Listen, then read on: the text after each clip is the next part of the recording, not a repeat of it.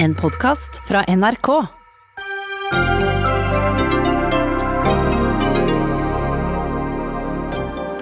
Kortere sommerferie for lærere og elever, kunne det være noe å gjøre for å komme i gang med skolen igjen, kanskje? Det mener iallfall en skoleforsker som møter Utdanningsforbundet til debatt. Frp, Ap og SV er enige om å liberalisere bioteknologiloven, noe som bekymrer KrF, som mener de tre partiene har tatt store valg uten skikkelige høringsrunder. Oslo MET-rektoren vil la kvinner komme tilbake til eh, arbeid før menn, for å sikre deres karriere. Her har vi enda et eksempel på at kvinner fremstilles som den svake part, svarer Høyre. Og skrot forbudet mot eh, høydehustrening, krever sportskommentator. Han får motbør fra tidligere landslags landslagskaptein i håndball, Gro Hammerseng Edin, som mener det hele er et verdivalg.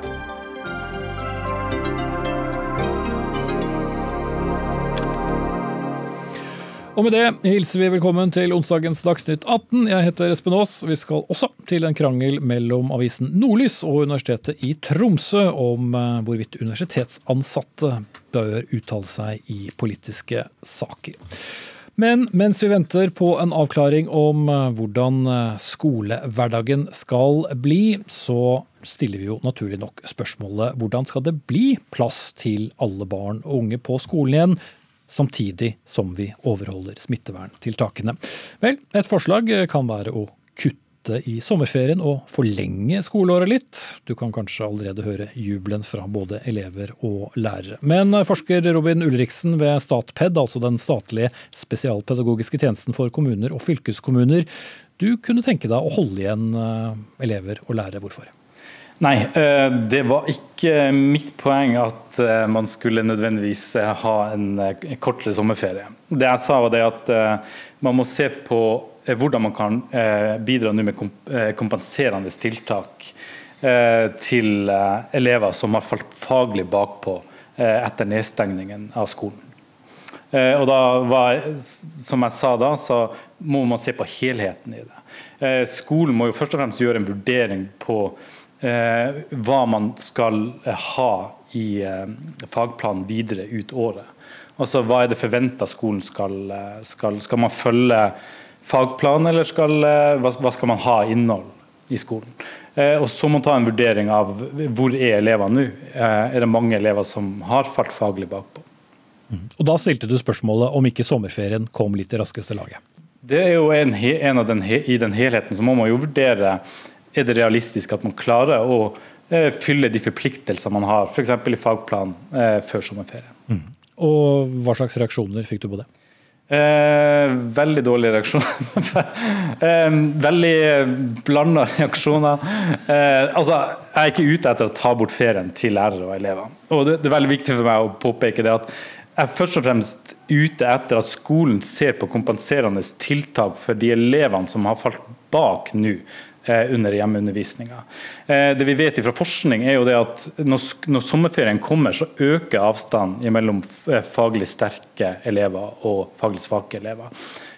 Og Hvis vi, skolen nå går ut i en sommerferie før man er ordentlig i gang igjen med læring, så risikerer vi å få enda større forskjeller mellom elevene til høsten. Mm. Men hvis du skal være litt konkret, da, hva mm. bør gjøres? Eh, jeg tenker det at eh, bør, eh, Først og fremst så må man se på hvilke elever er det som har falt faglig bakpå etter hjemmeundervisning. Hvor er vi hen i, i, fagplanene? Hva er realistisk å få til fram mot sommeren? Og Så må man sette seg ned og se på skal man bruke, Er det snakk nå om å gå inn med intensivopplæring for noen elever, eller må man se på hele kullet samla? Eh, men mitt poeng er jo det at vi skal ikke straffe verken eh, elever eller skole eh, med å frata dem ferie, nødvendigvis. Men først og fremst så må man ha perspektivet på hvor er elevene i kunnskapsmessig i dag. Mm. Og hva må, til for at vi, altså hva må til før vi tar sommerferie. Mm. Jeg lurer på om den Robin Ulriksen hørte nå, skulle snakket med en Robin Ulriksen jeg leste en artikkel om i dag, men eh, vi kan ikke gjøre noe med det nå. Steffen Andal, leder Utdanningsforbundet, du er med oss eh, på linje. Hva mener du eh, vi kan gjøre for å ta igjen det tapte? Jeg synes Det som er bra med Ulriksen sitt utspill, er at han, eh, han, forsøker å se hvordan vi kan kompensere for den eh, tiden vi har vært gjennom nå. Og Jeg tror ikke jeg, tror ikke jeg vil avvise noen ting. Ja. Vi bør lete med lys og lykte etter eh, alle mulige tiltak for å kompensere. Samtidig så har jeg lyst til å advare kanskje litt mot å, å se, på, se, på, skolen som en sånn foringsmaskin, istedenfor å tenke på det som en livsarena for elevene. Vi som tror på utdanning og har viet hele livet vårt til det, vi vet jo hvor viktig eh, utdanningen er. og hvor utrolig uheldig det er når eh, elevene ikke har et skoletilbud. Og så tror jeg også vi skal anerkjenne at den tiden som har vært nå, hvor elevene har vært på en annen arena, så har de nok lært noe annet også. Og Det kan være viktig å ta med seg inn i skolehverdagen. Og jeg tror Lærere først og fremst nå må tenke nøye gjennom hvordan skal vi med klokskap eh, få elevene tilbake til den livsarenaen som er så viktig for dem? Og hvordan skal vi også sørge for at de skal få mest mulig læring, best mulig danning, og se på dette som en helhet. Og Hvis vi også kan gi eh, frivillige tilbud i løpet av skoleferien, og hvis det er elever som har sterke behov for det, så tror jeg ikke det er klokt å avvise, avvise, det, men vi må gjøre det på en ordentlig måte. Mm. Og vi må også tenke gjennom hvilket tilbud vi da kan gi, og om det skal være obligatorisk. og Det reiser en hel haug med sånne spørsmål også. Mm. For at uh, elever kommer tilbake på skolen med vidt forskjellig bagasje etter disse ukene, er det vel liten tvil om? Det er det ingen tvil om. Og jeg tror til og med det kan være mulig å anta at en del forskjeller har forsterket seg gjennom denne perioden. Eh, og at mange elever faktisk savner eh, skolen veldig. I tillegg til at en del elever befinner seg i en så sårbar situasjon at det haster å, å, å slippe alle tilbake. Så Utdanningsforbundet mener faktisk at vi bør slippe så mange elever tilbake til skolen så raskt som mulig, men det må være trygt. Og da kan konsekvensen være, hvis vi skal etterleve smittevernreglene, at de får et redusert tilbud. Altså færre dager på skolen i løpet av uken, men at de i hvert fall får et tilbud. Det er bedre at mange får et tilbud, enn at noen få får et fullgodt og tilnærmet ordinært opplegg. Mm. Skolebyrådet i Oslo, Enga Marte Torkelsen fra SV, dere er jo da den største skoleeieren. Hva er egentlig realistisk, praktisk å få til? Ja, si det, du. Det veit ikke vi heller. For det kommer helt an på hvilke rammebetingelser vi får fra staten. Og det veit vi ikke ennå. Og det er jo noe av det vi syns er veldig uheldig. Eh, du skal få svar i morgen, men så skal det også iverksettes? Ja, det er akkurat det. vet du. Det er liksom forskjell på å sitte og lage de rammebetingelsene liksom langt borte fra hverdagen, og det å skulle gjennomføre det i praksis som en skole. Lærere, rektorer og alle andre som er ansatt på skolen for å få det til. Eh, så vi er veldig spent. Jeg skulle ønske at regjeringa eh, tidligere hadde kommet med en plan. Og jeg skulle ønske at de hadde prioritert 7. trinn, 10. trinn og 3. på videregående, som vi anbefalte fra Oslos side. Som er da alle de avgangstrinnene? Ja, de som skal ha vitnemål. Det er kjempeviktig. Det er framtida deres. Og de som også skal ha en overgang fra én type skole, barnetrinnet, til ungdomstrinnet. Da er det ekstra viktig, viser forskninga, at de da eh, får en trygg slutt på den før de skal over i noe nytt. Mhm. For nå har vi første til fjerde på plass. Ja. De kan bruke all plassen. Ja. Men hvis femte til sjuende skal inn i de samme lokalene, så Ja, nå klør jeg meg litt i huet, som du ser. Ja, fordi at det, det, er akkurat det de gjør der ute. De lurer veldig på hvordan de skal få det til hvis rammebetingelsene skal være sånn som de er lagt nå i smittevernveilederen. Disse berømte kohortene, som er et grusomt navn, som egentlig er gruppestørrelsene, ikke sant. Eh, på 15 elever opp til 4., og så 20 elever fra 5. til 7. De setter noen veldig trange begrensninger. Jeg er lykkelig for lærernormen, virkelig. SV var veldig for den. Eh, men den er ikke nok. Så vi har ikke kapasitet når det gjelder lærerressurser, og vi har heller ikke rom, plass. Og så viser det seg på toppen av det at vi har et økonomisk problem som blir større for hver uke som går, pga. vikarproblematikk, renhold, masse annet praktisk eh, mikmak som vi da ikke ser enden på, som bekymrer oss veldig. For vi er helt enige med Handal Eh, vi må få elevene tilbake ja. så fort som mulig. Eh, det tror jeg egentlig alle vil. Og Mathilde Tubring-Gjedde, du er medlem av utdannings- og forskningskomiteen på Stortinget for Høyre. Du stiller fordi ansvarlig statsråd ikke hadde mulighet. Men hva er realistisk? Vi har sagt at vi ønsker at elevene skal komme tilbake så raskt det lar seg gjøre. og Da er det både utdanningsfaglige og smittevernsfaglige begrunnelser for at man eventuelt eh, har ventet. Og man har gjort en gradvis innføring, nettopp fordi det skal være forutsigbart for skolene. Og fordi de skal ha mulighet til å forberede seg til å ta imot så mange elever. Men alle kan ikke komme tilbake samtidig? Nei, vi, altså det var i hvert fall eh, en vurdering man gjorde for noen uker siden som jeg mener var riktig. fordi man ser at For det første så var mange foreldre spent å sende barnet sin tilbake.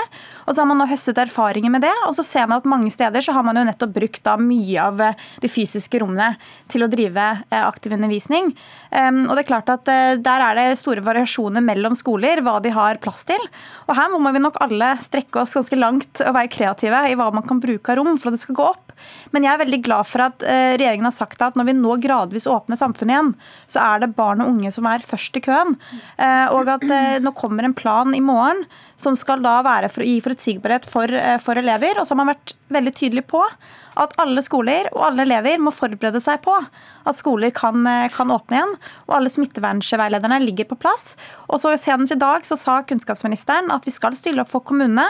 Man gjør nå en vurdering av hvor mange ekstrautgifter kommunene har fått, slik at man kan uh, komme tilbake i revidert nasjonalbudsjett med eventuell kom mer kompensasjon.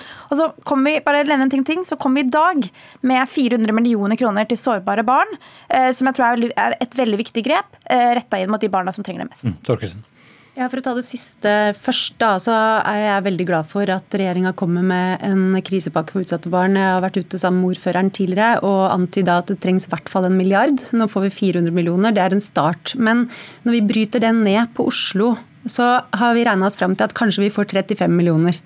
Og så må vi huske på det at Oslo er en ekstremt klassedelt by. Det er jo ikke minst takket være regjeringas politikk sjøl at de har økt, at vi har fått flere fattige barn. Det går direkte inn på hva slags muligheter de har til å klare seg i skolen. Vi ser at klasseskiller, sosial ulikhet, virker direkte inn på gjennomføringstallene i skolen. Mange, altså Regjeringa har jo sjøl eh, beregna at vi har ca. 20% utsatte barn i Norge. Langt høyere i Oslo.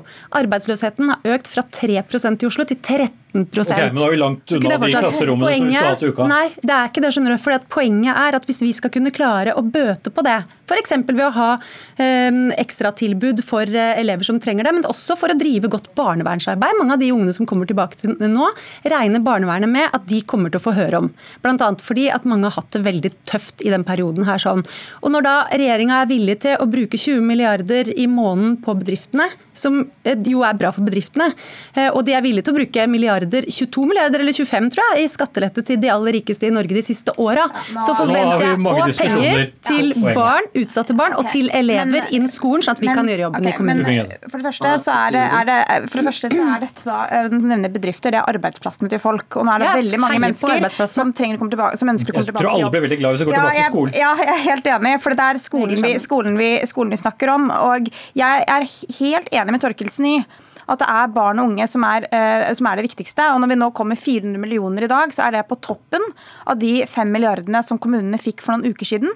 Og vi har også sagt at det kan komme mer i revidert nasjonalbudsjett. Men jeg vil utfordre Torkelsen tilbake.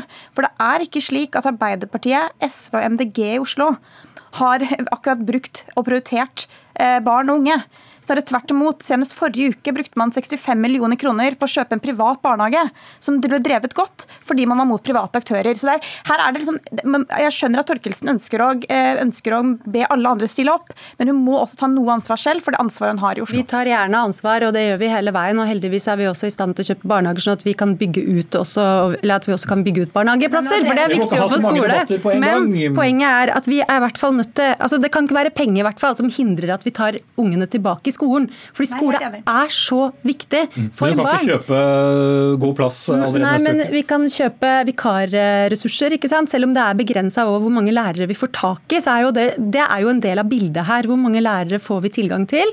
Og selvfølgelig romkapasitet og sånn. Jeg, jeg, jeg, tror vi er enige om mye her også. og Det er jo at vi må se på praktiske løsninger. Kanskje blir det altså, mer uteskole, åpenbart, men også kanskje annenhver dag. Mm. Men jeg håper vi i hvert fall kan eh, jobbe, gjøre alt hva vi kan for å se om det er mulig å få alle barna tilbake eh, veldig raskt. fordi at eh, for hver uke som går, så øker skillene mellom barn. Og vi kommer oss nærmere sommerferien. Handal, vi, vi har hørt dine rop fra, fra Skypen. Takk for det. Nei, jeg har bare lyst til å si noen få ting til slutt. Det ene er at vi, Jeg håper at denne oppmerksomheten rundt elever i en sårbar situasjon vedvarer etter at denne krisen er over. Og så er det ett poeng til. Vi er nødt til å ha nok tid til å planlegge dette godt etter at beslutningen fra regjeringen er tatt.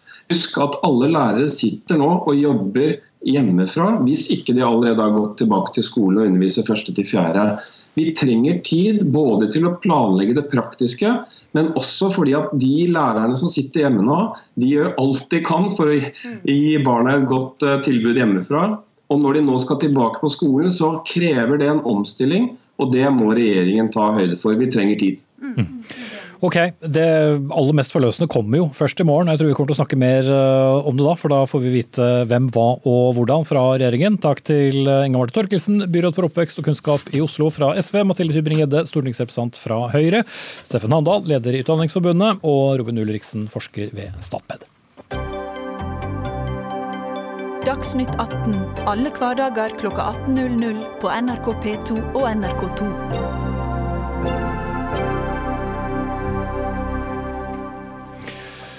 Hvem skal eh, først slutte å gå i pysjhverdag og kle seg vanlig og gå på jobb? Jo, det bør være kvinner og ikke menn som først slippes ut av de mange hjemmekontorene rundt om i Norge når landet etter hvert skal åpnes igjen. Det er eh, rektoren ved Oslo OsloMet, Kurt Rice, som eh, sier dette til universitetsavisen Krono i dag.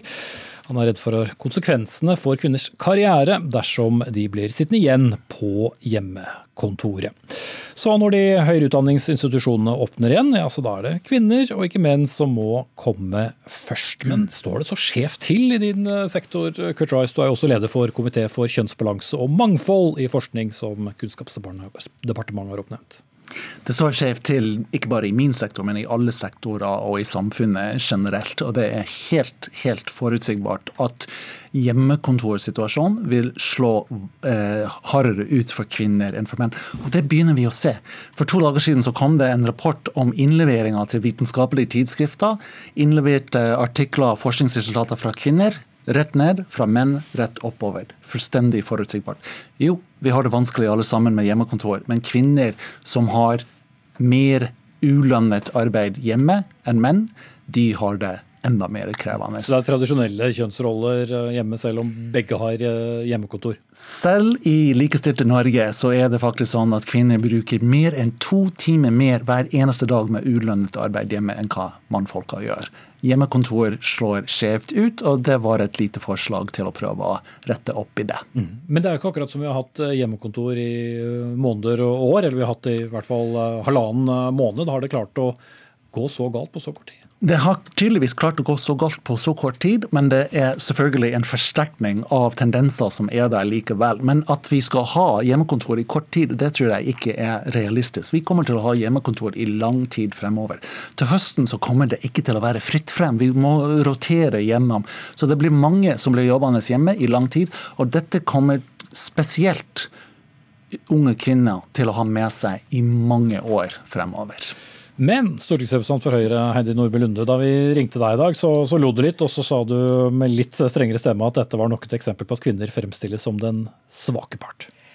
Eh, ja, jeg lo litt, fordi at eh, i løpet av disse ukene i Pysj og hjemmekontor så har jeg hatt gleden av å ringe veldig mange eh, bedrifter her i Oslo. og Litt tilfeldig så har det vært mannsdominerte bedrifter som ga uttrykk for sin frustrasjon over at menn nå satt hjemme på hjemmekontor fordi deres partnere ble definert som kritisk helsepersonell, og derfor måtte de nå sende mannfolka hjem. Så endelig fikk norske bedrifter oppleve det kvinne, altså kvinnebedrifter veldig ofte har fått oppleve, nemlig at det er gjerne kvinnearbeidsplasser som tar den største eh, kostnaden i eh, bortetid eh, i parforholdet når familien har valgt for barn. Men en, annen grunn til at jeg reagerte, er jo at jeg tror ikke det er tre tre-fire uker fra eller til på hjemmekontor som gjør, er, den store forskjellen på kvinners karriere. Nei, Men det forsterker det, så right? Det, kan, det er bra med en, en, kjønnsdimensjon i debatter, også om hvordan vi håndterer eh, krisen. Vi er i en unntakstilstand, men jeg har lyst til å minne om at når det er store endringer i økonomien ellers, så er det ofte mannfolka som eh, får permitteringer i privat sektor, som er utsatt for oppsigelser, og ikke minst også store omstillinger. Mens kvinner, som hovedsakelig jobber i offentlig sektor, er beskyttet for, eh, for det det samme. Så når vi skal ut av denne debatten på den, andre siden, så, så, kommer vi nok til å måtte se på det i et kjønnsperspektiv. Men alle som er opptatt av likestilling, jeg heier på, heier på det, men her tror jeg uh, Kurt Ritze har fått et litt billig oppslag med et litt dårlig målretta virkemiddel. Jeg er i en situasjon der jeg må sortere og velge hvem som får lov til å komme tilbake.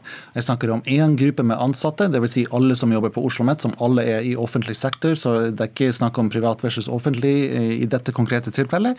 Og så er det mange momenter som kan være relevante når man skal bestemme hvem som får lov til å komme på kontoret. Jeg bare sier at likestillingshensyn er også noe som er lov å ta hensyn til, og det har jeg bedt mine ledere om å gjøre. Mm. Så det skal være en form for kvotering, er det du sier?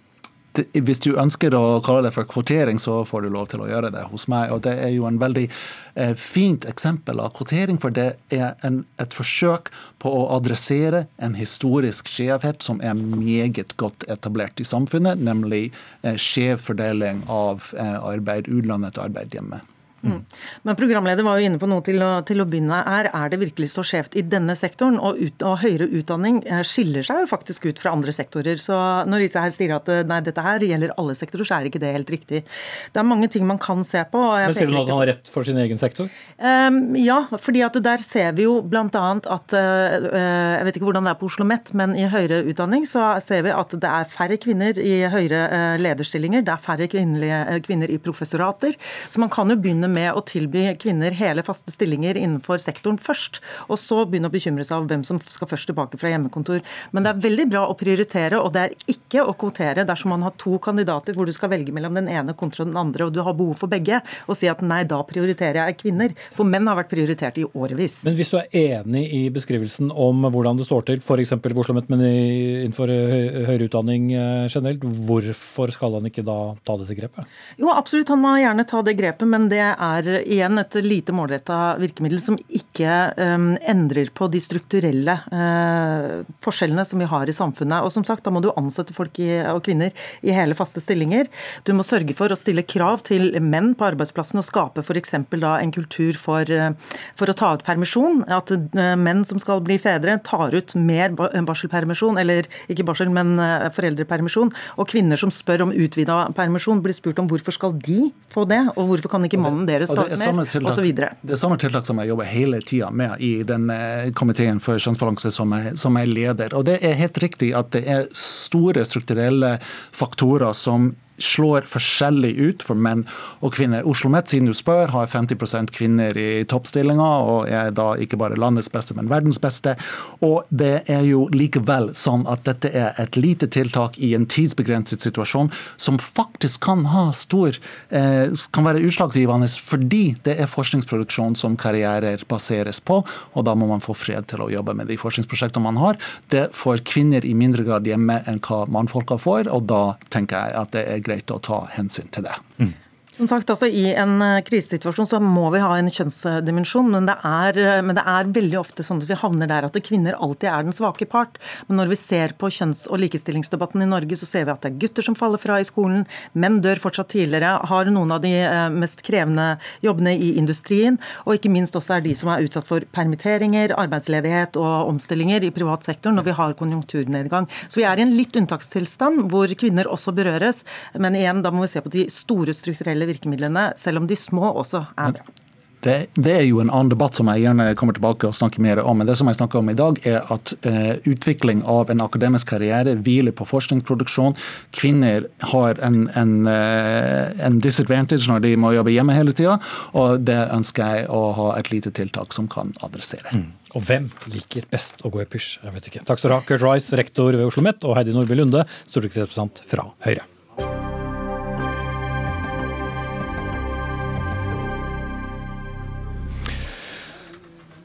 Litt senere i sendingen, Kristelig Folkeparti appellerer nå til enkeltrepresentanter fra Fremskrittspartiet om å stemme mot sitt eget parti i forbindelse med ny bioteknologilov. Arbeiderpartiet, SV og Frp har nemlig blitt eh, enige, og KrF møter Frp til debatt om litt. Men nå skal vi, om ikke ut i naturen, iallfall snakke om naturen. For regjeringen får kritikk for ikke ta godt nok vare på den norske naturen. FNs naturpanel har eh, dokumentert at verden mister natur og biologisk mangfold i et eh, høyt tempo. Og også norsk natur forsvinner bit for bit, sier du Vigdis Vanvik, professor i biologi ved Universitetet i Bergen. Og bl.a. bidrar du faglig i Det internasjonale naturpanelet. Men hvor stort er egentlig problemet med den store norske naturen? Jo, altså, først må jeg si at jeg ringer for, eller snakker nok for hjemmekontoret mitt i Bergen, så jeg fulgte jo forrige sak med stor interesse. Eh, jo, altså Problemet er egentlig ganske stort. Den norske rødlista for naturtyper den som kom ut i 2018, den sier at halvparten av norske naturtyper Vi har definert at vi har 257 naturtyper i Norge, og halvparten av de er intakte. Resten er enten trua, eller så har vi ikke nok data til at du vet noe om dem.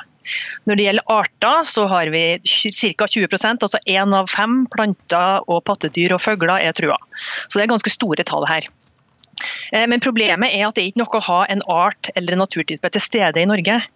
Eh, når vi er et stort land og vi trenger natur som, som, fungerer godt og som gjør jobben sin i hele landet. For naturen gjør viktige ting for oss. Den lagrer karbon i skog og fjell, den regulerer vann og flom. Eh, pollinerende insekter er viktige for matproduksjonen. Så det er veldig mye som naturen gjør for oss og som vi trenger, og det trenger vi å ha litt overalt. Mm.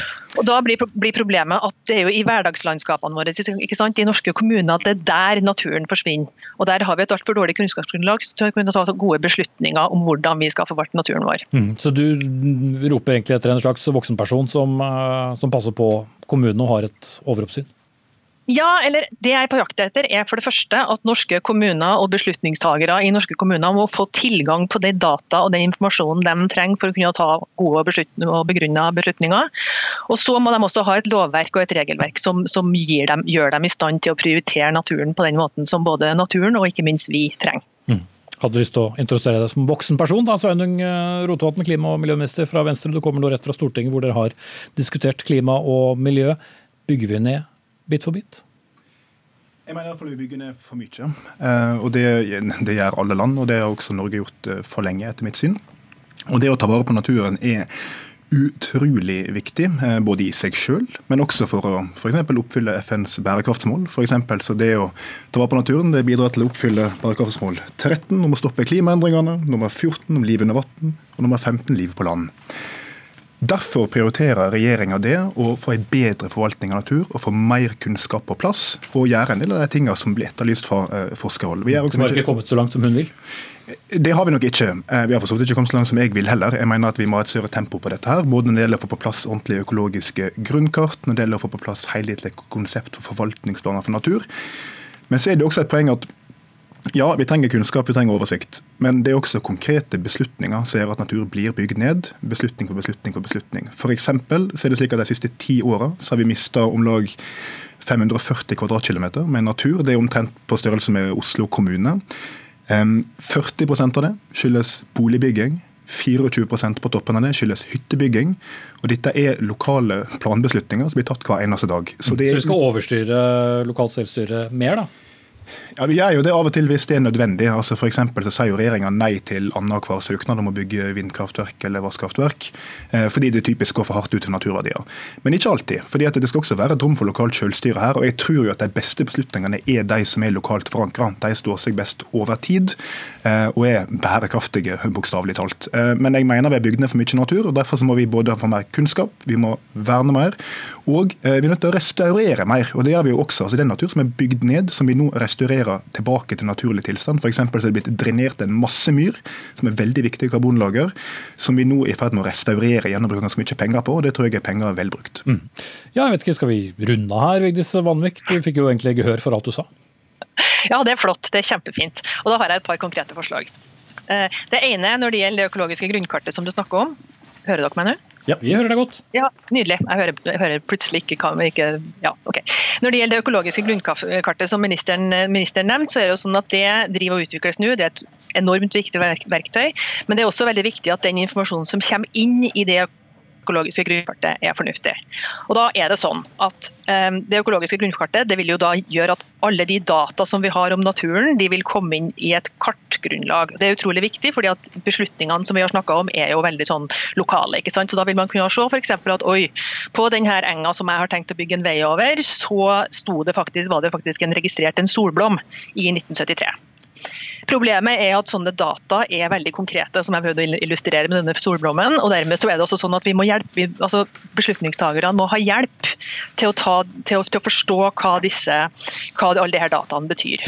Og For å få til det så trenger vi bedre prosessforståelse, og vi trenger også bedre sånn for, fortolkning og alle mulige sånne, sånne, fortolkningslag og indikatorer som må regnes ut på toppen av det her grunnkartet. Og Der ligger vi ganske langt etter. Mm.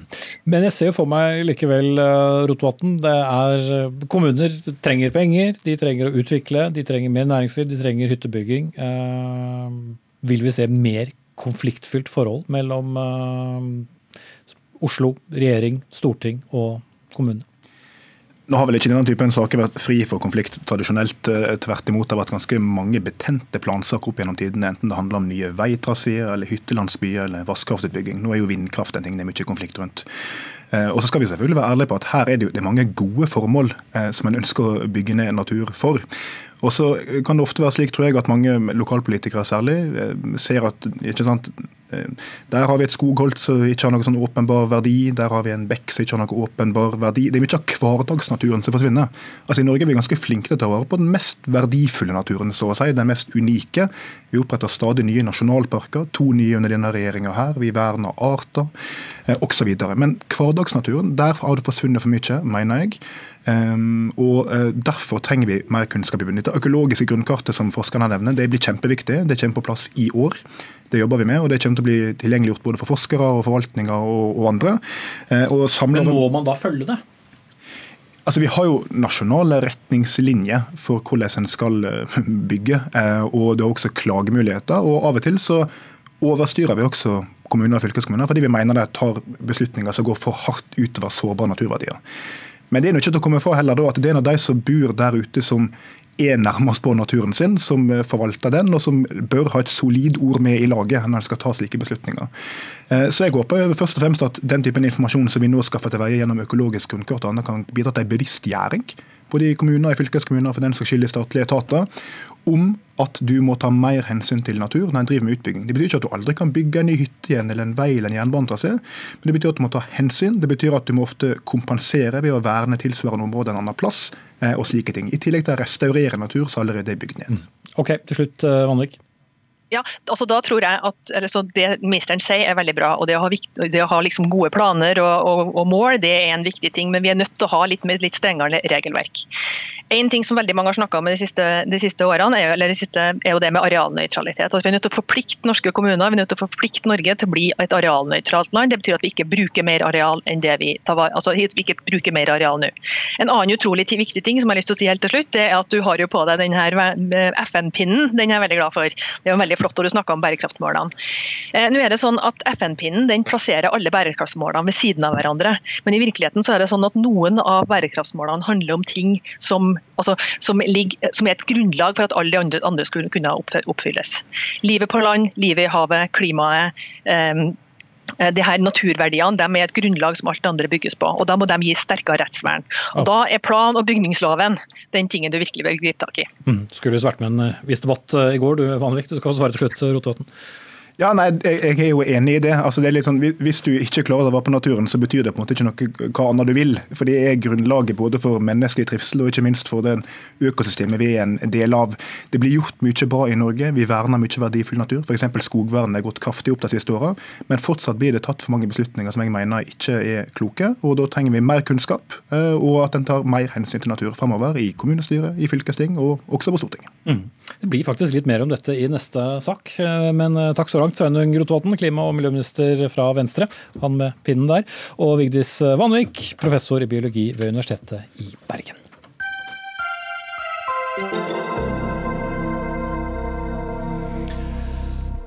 Så spør vi, bør akademisk ansatte ved universiteter få uttale seg i politiske saker? I avisen Nordlys i Tromsø har det stormet i debattspaltene de siste ukene, etter at nettopp ansatte, og det ved juridisk fakultet ved universitetet der, uttalte seg om det som mange anså som politisk betente saker, mens de brukte full yrkestittel. Og Skjalg Fjellheim, politisk redaktør i eh, Nordlys, du er en av dem som har skrevet og reagert eh, på dette. Du skriver bl.a. at fakultetet, altså dette er sitat, fakultetet fremstår som et slags advokatkontor for identitetspolitikk i Nord-Norge, plassert på venstresiden. Hva er dette basert på? Ja, Det er jo basert på at uh, Universitetet i Tromsø i kontroversielle debatter i Nord-Norge som er knytta til verneinteresser, til samepolitikk, til etnopolitikk, i stor grad fremstår utad med én stemme, uh, og at man etter min oppfatning er ganske langt unna å fremstå med en balansert uh, oppfatning. Eh, og Det skal selvfølgelig være full ytringsfrihet for eh, forskere ved universitetene. Jeg tror ikke dette er en problemstilling som gjelder bare ved Universitetet i Tromsø, og i første rekke ved juridisk fakultet, som vår kritikk er retta mot. Det, det, som er problematisk med dette, er at når man trer inn i samfunnsdebatten som forsker og bruker sin ekspertautoritet, eh, så må vi få vite om forskeren skriver og uttaler seg som forsker, eller om han eller hun kan ha interesser eller bindinger som, som går utover det rent faglige. Og her eh, mener jo jeg da at det skorter en del ved juridisk fakultet i Tromsø for tida. Mm. Anne Husebekk, du er rektor ved Universitetet i uh, Tromsø. Du kan få svare på det siste direkte.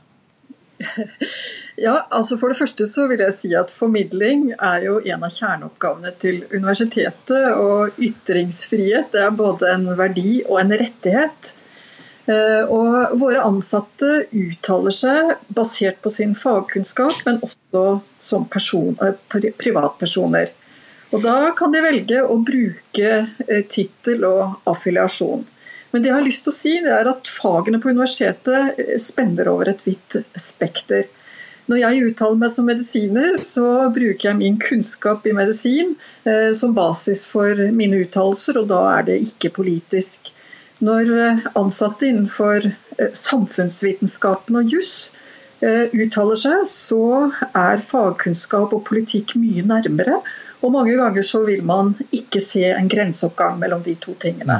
Men det som kan bli litt utfordrende, for å avbryte deg, Husbekk, er jo et av eksemplene her var jo et stort utbyggingsprosjekt, som også ansatte, enkelte ansatte var imot, men skrev under innlegg med full yrkestittel. Hvordan skal de som leser disse debattinnleggene da avgjøre om eh, hvorvidt denne personen uttrykker seg kun på faglig grunnlag eller på privat grunnlag? Ja, for det første så er det ikke universitetets syn som kommer til uttrykk når våre ansatte seg, eh, uttaler seg. Det er eh, privatpersonen eller fagpersonen som uttaler seg. Hvis man noen uttaler seg på universitetets vegne, så er det ledelsen. Eh, Skal de da bruke kan... full sitt? Ja, det har de rett og anledning til, så, så, det kan ikke vi forhindre. Og det er en sak de må bestemme helt selv. Mens eh, dere i Nordlys eh, Fjellheim eh, sliter litt mer med å se den forskjellen på hvem som er universitetsansatt og hvem som uttaler seg som privatperson. Ja, altså En, en forskertittel det, det, gir jo autoritet i, i samfunnsdebatten. og det gir Eh, økt troverdighet når man deltar i, i, ordskiftet. Og Det er veldig viktig at forskere avklarer sin posisjon.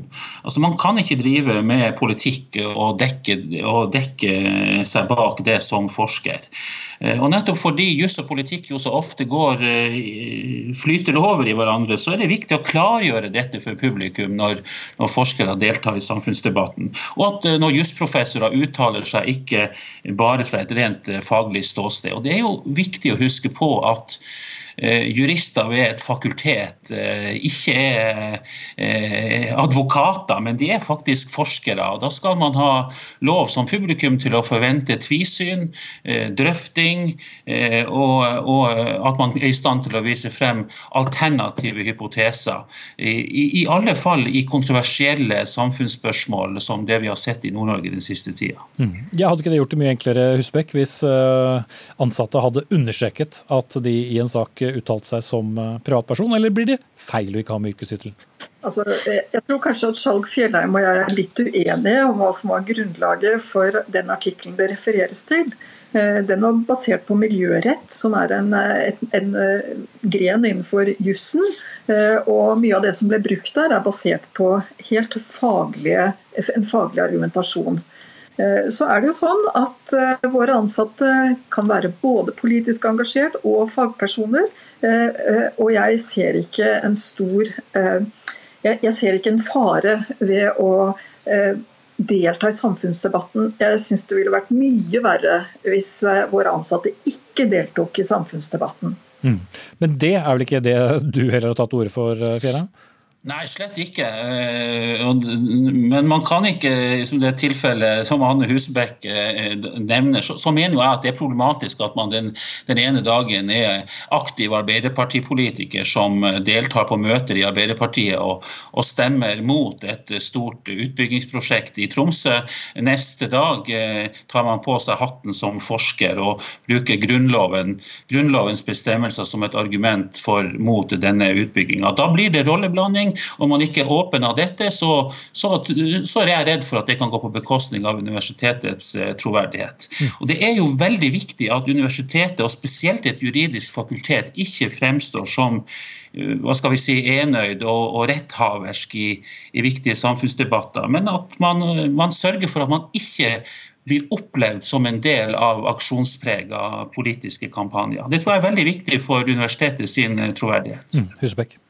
Ja, jeg mener at eh, det er en eh, stor fordel at våre ansatte også deltar i samfunnsdebatten. Og Så kan man spørre seg om det skal være med tittel og affiliasjon. Eh, det har Skjalg Fjellheim stilt spørsmål ved. Jeg er ikke så bekymret for det. Jeg tror at en person med et sterkt faglig basis, sånn som det var snakk om her, Eh, og et politisk engasjement kan delta i en debatt uten at det er til fare for troverdigheten til universitetet. Mm. Da setter jeg strek. Skjalg Fjellheim, politisk redaktør i Nordlys, uttalte seg som det. Hanne Husebekk, rektor ved Universitetet i Tromsø, uttalte seg som nettopp det. Takk skal begge ha.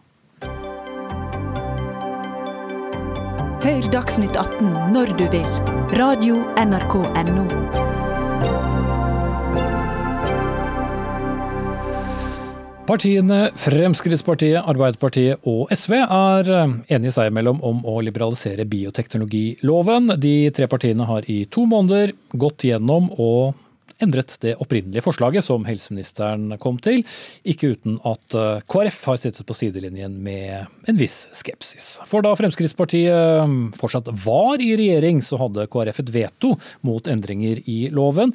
Tiden har som kjent endret seg. Frp har gått ut av regjering og gått i allianse med altså SV og Arbeiderpartiet. I dagens utgave av Vårt Land bønnfalt eh, KrF-leder Kinegolf Ropstad Frp-ere på Stortinget om å stemme imot disse endringene, for partiet har nemlig fristilt sine representanter i saken. Men Åshild Brun Gundersen, stortingsrepresentant fra Frp og medlem av helse- og omsorgskomiteen, dere er enig med de andre opposisjonspartiene, men er det mange av dine partifeller som er uenig med deg? Altså Det jeg er veldig glad for, er at jeg har fått et enstemmig mandat fra Fremskrittspartiets stortingsgruppe om å forhandle eh, om å få mest mulig gjennomslag for FrPs politikk i bioteknologiloven. Derfor gikk vi i mars ut og inviterte til et forlik, og vi var villige til å forhandle med alle partier som var eh, ønska å danne flertall for å modernisere denne loven. Den loven har altså ikke vært endra på 16 år. Nå skal vi endelig gjøre nødvendige moderniseringer, og det gleder jeg meg til. Mm. Eh, og Dere har altså kommet til uh, enighet hva er dere blitt enige om av eh, endringer ut fra det forslaget som lå der før jul? Det kan eh, du følge med på i pressekonferansen i morgen klokka 12.30. Jeg gleder meg veldig til å få presentert disse endringene, for det har vært mye spørsmål knytta til de nå i det siste, og de kommer vi til å presentere i morgen. Eh, noe av det som har vært klart en stund, er bl.a. at vi tillater eggdonasjon, som ikke har vært eh, tillatt i Norge frem til nå. Og det mener vi på mange måter er et likestillingsspørsmål for par som ønsker assistert befruktning, hvor mannen ikke har befruktningsdyktig sæd, så har man alltid fått tilbud om sæddonasjon, faktisk i 90 år. Men hvis det er kvinnen som har egg som ikke er fruktbare, så har det ikke funnes noe tilbud. Mm. Eh, så vi kommer til å tillate det. Og I samme eh, måte så kommer vi også til å diskutere en del fosterdiagnostikk. Altså hva slags tilgang til informasjon om eget svangerskap skal kvinner få? Hvordan skal fødselsomsorgen i Norge da være? Mm. Geir Jørgen Bekkevold fra Kristelig Folkeparti, du er leder av helse- og omsorgskomiteen. Mm. Ekstra uansvarlig har dere kalt det som de tre partiene gjør her. Hvorfor er det det? Det som er uh, litt sånn ekstraordinært her, det er at disse tre partiene sitter nå på Stortinget og lager disse lovene selv. De har uh, riktignok fått uh, lovteknisk bistand, men dette er jo lovendringer som normalt ville ha vært sendt ut på en bred høring slik at vi kunne fått inn innspill som eh, både belyser for og imot, og ikke minst eh, når det gjelder disse etiske eh, problemstillingene som ofte knytter seg til slike typer spørsmål. Nå, nå gjør det dette på egen hånd. Det er ganske ekstraordinært. Vanligvis så er det jo sånn at uh, opposisjonen uh, kommer med anmodningsforslag uh, til regjeringen og anmoder regjeringen om å utrede de og de lovendringene. og så sendes det ut på bred høring. Nå skal dette rushes igjennom i Stortinget uten at man får, får noen vurdering. Eh, og Det syns jeg er ganske uansvarlig, all den tid vi snakker om viktige etiske problemstillinger. Eh, Men det var jo likevel et lovforslag som landets helseminister først presenterte? Det er helt riktig, og det lovforslaget som landets eh, helseminister presenterte, det er jo en endring som KrF også var med på i Granavolden. Det er jo 22 endringer, og det er helt riktig som Brun Gundersen sier, det er ikke gjort endringer i bioteknologiloven på 16 år. Det kom nå, så det, er er, ikke, ikke riktig at Kristelig Folkeparti Fremskrittspartiet ikke har vært med på noen endringer. Det ligger 22 endringsforslag fra regjeringen som vi også skal behandle, og som jeg håper går igjennom på Stortinget, bl.a. med Frp sin hjelp.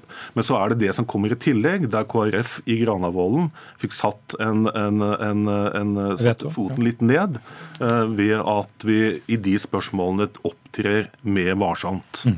Som da ikke gjelder lenger etter at dere gikk ut av regjering, forstår vi. Er to måneder nok tid til å foreta de store endringene? To måneder. Denne diskusjonen har vært i 16 år. Og for fullt så starta den i Stortinget altså i 2018, da man hadde en grundig evaluering av bioteknologiloven. Grunnlaget fikk dere i, mai, Det er jo nesten ingen saker som har vært så mye ut på høring og utredning. Og jeg syns i hvert fall KrF skal være ærlig på at det er jo ikke antall høringer som avgjør hva KrF stemmer i dette, eh, denne saken. Politikken her er avklart. Nå handler det bare om å gjøre innrammingene og gjøre de nødvendige lovendringene. Og for å være helt ærlig, jeg har ikke tid eller anledning til å la KrF få lov lov å sabotere dette mer. Derfor gjør vi denne jobben nå i Stortinget. Så sørger for at kvinner der ute får det tilbudet de har behov for. Hvorfor har vi så dårlig tid?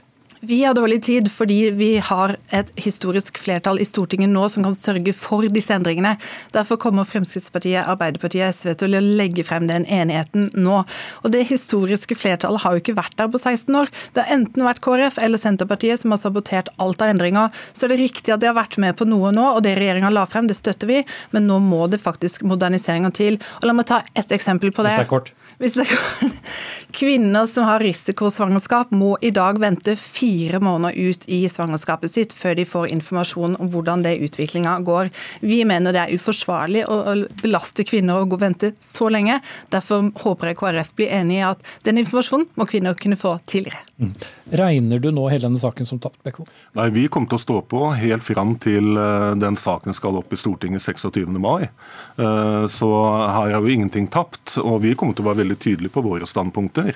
Eh, og ikke minst så tror jeg at det er veldig mange som deler den samme bekymringen vi har med at sånne viktige saker rushes igjennom på Stortinget.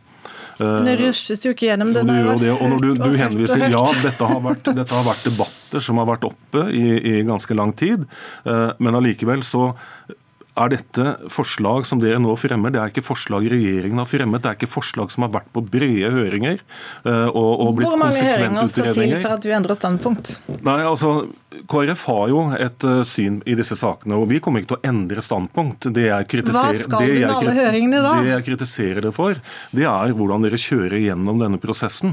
Uh, jeg mener at slike saker fortjener en helt annen type behandling enn en det som dere og Arbeiderpartiet Men kjære programleder, dette har vært diskutert i 16 år. Jeg kan ikke forstå annet enn at det KrF egentlig ønsker er å gå nye runder for å utsette hele saken, og det har vi rett og slett ikke tid til. Det er masse viktige moderniseringer der som må på plass. Etiske problemstillinger som her løftes opp, fortjener uh, gode uh, høringer, fortjener at vi får innspill for og imot. Uh, og det mener jeg også at Frp burde ta seg tid til. Mm. Men det får dere ikke. Men detaljene de skal vi da skjønner jeg, få i morgen. Og så er det altså litt under tre uker til saken skal opp i Stortinget. Takk til Åshild Brun Gundersen fra Fremskrittspartiet og Geir Jørgen Bekkevold fra KrF.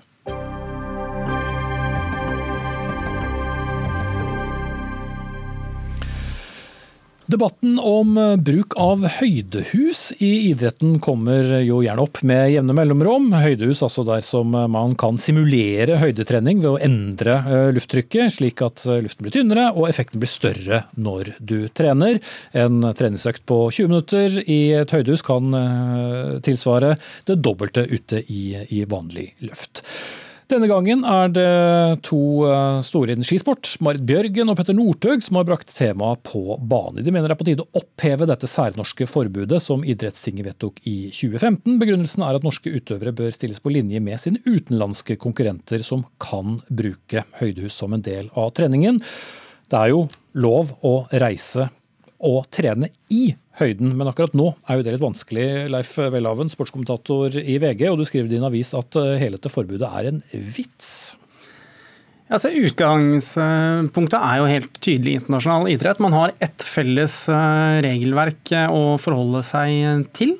WADA-koden, som definerer altså hva som er innenfor og, hva, og, hva, som er utenfor. Og med de rammene så handler, topp, handler jo toppidrett per definisjon om å optimalisere en prestasjon. Og man kan like eller ikke like innretninger som et høydehus, men i min bok så blir det noe litt paternaliserende over at norske toppidrettsutøvere altså skal settes i en eh, situasjon hvor man pga. et vedtak på året gjelder i Norge, skal eh, altså konkurransemessig stille bak eh, konkurrentene. Mm.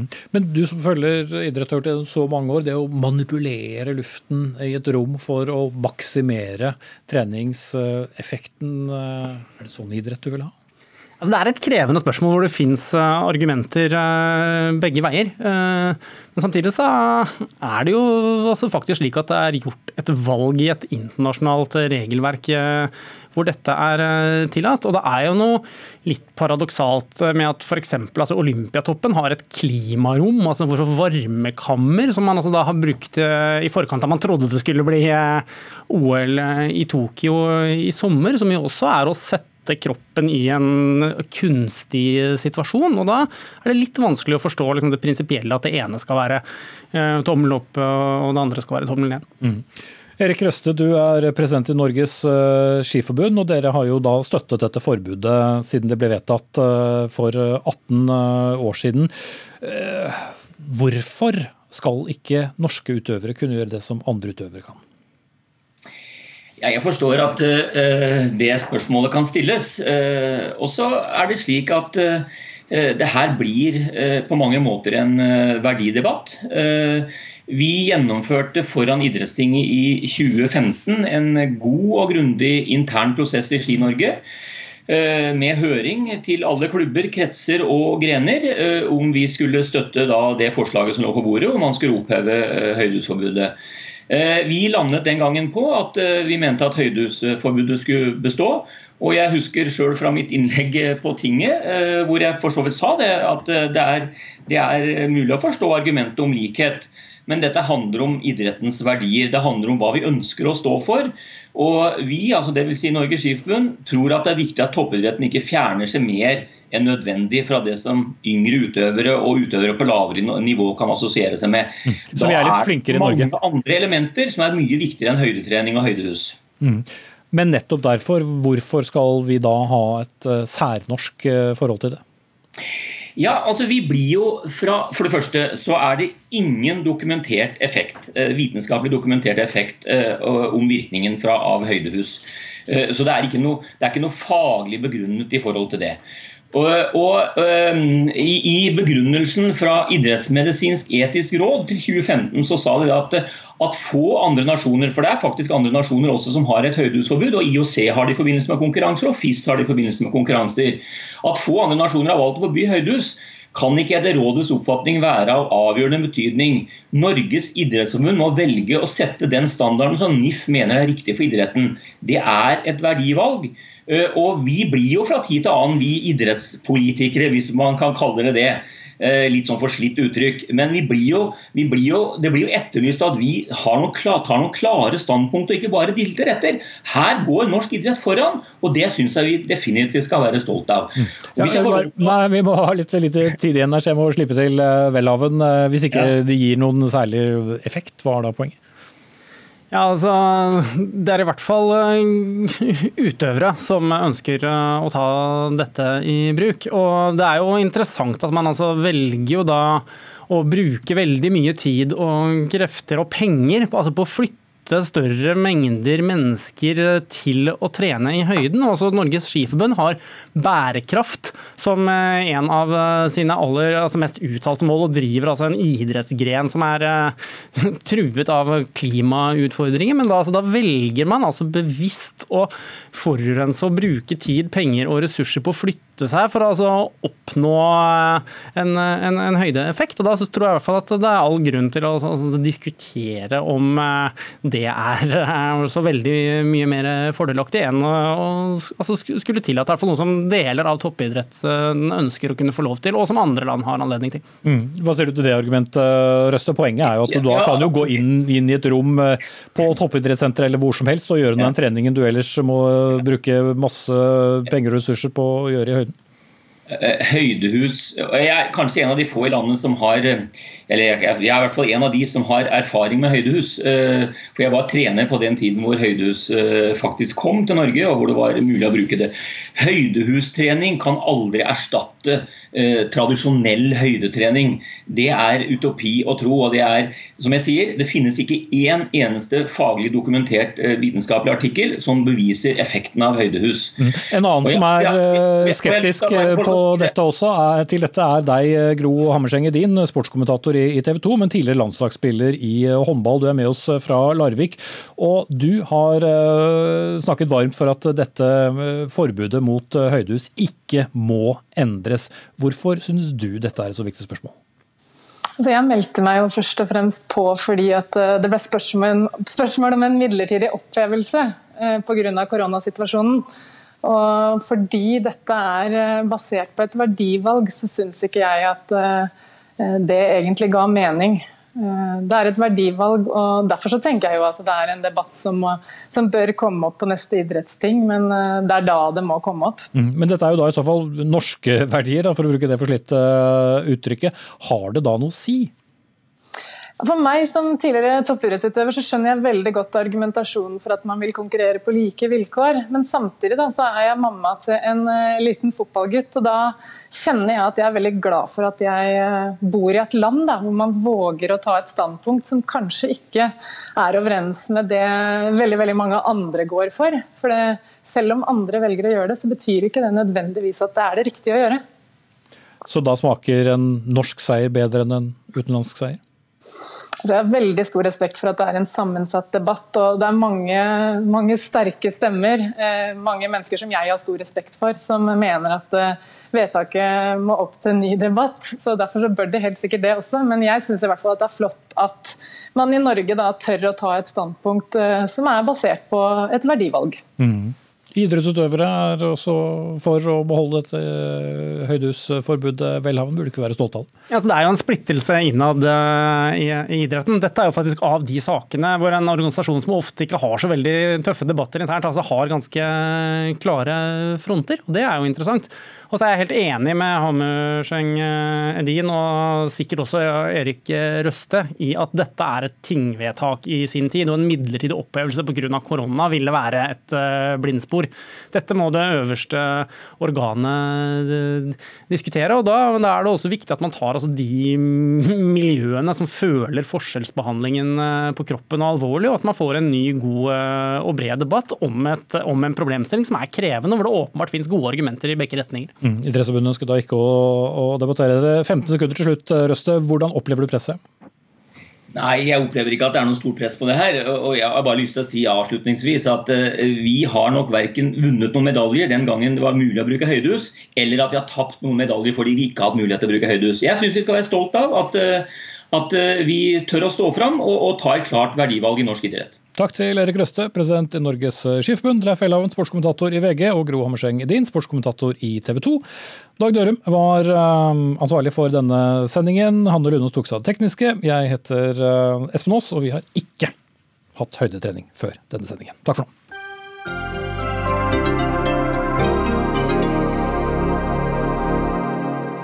Du har hørt en podkast fra NRK. Hør flere podkaster og din NRK-kanal i appen NRK Radio.